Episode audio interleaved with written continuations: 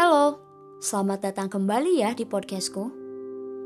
Di episode 3 ini akan ada peristiwa yang cukup menegangkan, namun sangat melekat dalam ingatanku. Yuk, langsung aja simak. Buat kalian yang merantau di kota orang dan ngekos, kalian pasti tahu dong rasanya bosan karena seharian cuma diam di kosan. Hal apa sih yang bakal kalian lakukan ketika bosan? Pergi nongkrong bareng teman, karaokean, nonton bioskop bersama, atau hanya sekedar jalan-jalan? Apa pun itu, intinya kita sama, mencari kegiatan lain untuk melepas penat. Begini, pada satu Maret lalu, aku memutuskan untuk pergi ke BIP sendirian sekedar berjalan-jalan untuk melepas penat. Kenapa sih nak hobi banget ke BIP? Begitulah aku. Ketika sudah menemukan spot nyaman dan dirasa efektif menghilangkan penatku, aku bakal keterusan datang ke sana. Saat itu, aku pergi sore hari dan cuacanya sedikit dingin. Jadi aku pergi keluar dengan pakaian tebal namun tetap kasual. Seperti biasa, aku mengenakan tote bag yang di dalamnya cuma ada ponsel, dompet, dan lipstick. By the way, lipstick ini barang cewek yang wajib dibawa ke mana pun. Karena lipstick bisa menghidupkan wajah kita, para perempuan. Walaupun mungkin kita tidak menggunakan bedak atau semacamnya. Kali ini aku pergi pakai angkot. Kalau sendiri pakai angkot pun gak masalah, karena udah terbiasa juga. Setelah sampai, aku langsung berkeliling ke sana kemari, mengunjungi setiap store hanya untuk melihat-lihat. Tapi aku jadi teringat kalau dalam waktu dekat ada sahabatku yang ulang tahun. Dia perempuan. Jadi sekalian saja kuputuskan mencari kado untuk sahabatku.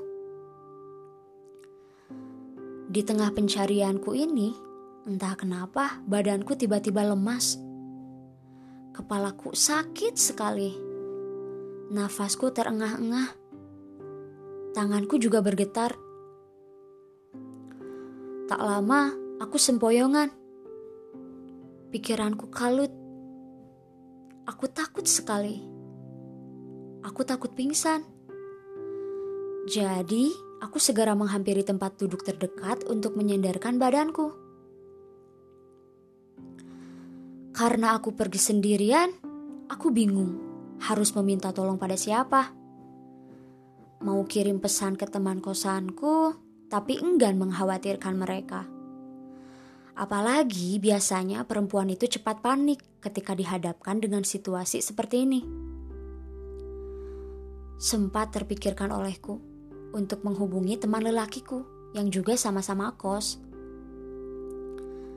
Diingat lagi, dia ternyata sedang pulang kampung.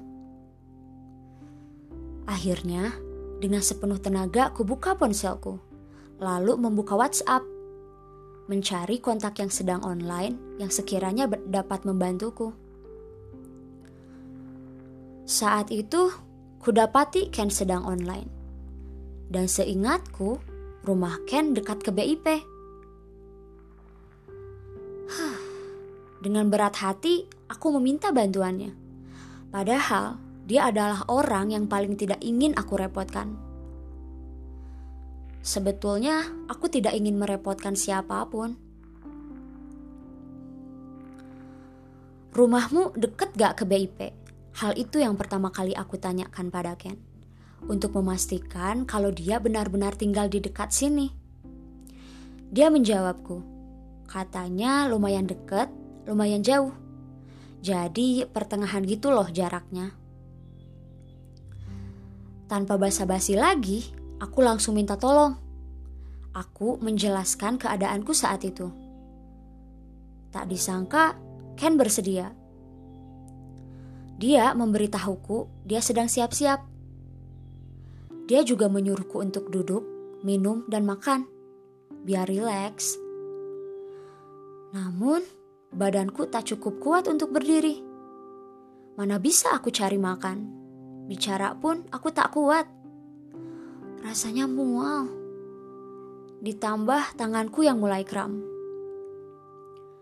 Bertahan anak, I'm coming. Anak posisinya di mana? Pesannya. Aku share lah lokasiku saat itu dan ku beri keterangan jelas di sebelah mana aku berada. Tak lama tibalah dia menghampiriku yang sedang duduk lesu. Tanpa ku sadari, ternyata aku menangis sambil berzikir. Terlihat samar-samar olehku. Ken datang dengan raut wajah panik. Dia langsung duduk di sampingku, memandangiku yang setengah sadar. Tanganku diraihnya. Anak, tangannya dingin banget. Dia menggenggam lembut kedua tanganku agar tanganku kembali hangat. Di situ aku belum sepenuhnya sadar, masih linglung. Setelah itu, Ken berdiri. Nak, aku beli teh manis panas dulu ya. Kamu tunggu di sini bentar. Aku mengangguk. Dia kembali dengan teh di tangannya. Lalu menyodorkan teh itu padaku. Aku meminumnya perlahan. Sedikit demi sedikit, kesadaranku kembali. Mataku sudah bisa melihat jelas. Setelah itu, Ken beranjak pergi lagi dan kembali dengan mengasongkan makanan ringan. Yang isinya potongan daging ayam dan kue beras dengan saus manis. Dengan sabar, dia menyuapiku. Malu rasanya. Namun karena aku masih mual, aku ingin muntah. Tanpa kusadari aku berdiri dan lari sempoyongan mencari toilet. Setelah itu, aku kembali pada Ken. Aku meminta maaf padanya karena telah meninggalkan dia begitu saja. Namun Ken tampaknya mengerti. Untuk memastikan aku baik-baik saja, Ken mengajakku ke instalasi gawat darurat terdekat segeralah namaku didaftarkan pada petugas IGD. Lalu aku diantarnya ke sebuah bilik gordeng untuk membaringkan badanku. Tak lama, seorang dokter menghampiriku dan memeriksa tubuhku, mulai dari cek mataku, cek suhu tubuh, tekanan darah, dan lain sebagainya. Sungguh, aku malu ketika dokter menyampaikan diagnosisnya. Ada dua kemungkinan yang membuat kondisi tubuhku seperti ini. Katanya, yang pertama, aku kelelahan karena pola tidurku tidak benar dan belum makan. Kedua, aku stres, dalam artian pikiranku sedang tertekan. Tapi setelah aku ingat kembali, sehari sebelumnya aku memang duduk depan laptopku seharian. Dari subuh hingga malam hari.